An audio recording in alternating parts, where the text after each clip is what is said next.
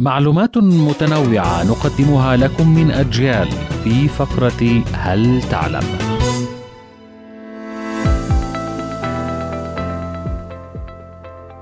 أطول قطار في العالم والذي لم يصنع للركاب العاديين. إنه قطار نوذيبو في موريتانيا ويعرف أيضا باسم العمود الفقري للصحراء الكبرى. بدأ إنشاء هذا الخط في عام 1960 وافتتح في عام 63 ويتكون من خط حديد واحد بطول 700 كيلومتر يربط مركز تعدين الحديد بميناء مدينة وذيبو ويمنح سكانهما فرصة التواصل والسفر ويمد الأسواق بالسلع والمواد الغذائية.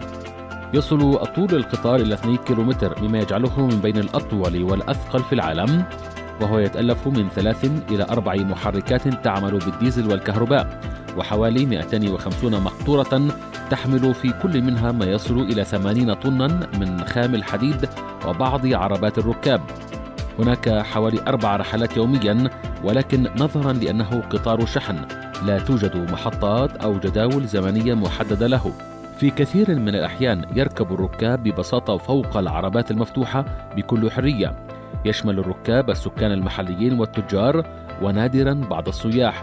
الظروف القاسية بشكل لا يصدق حيث تتجاوز درجات الحرارة هناك 40 درجة مئوية.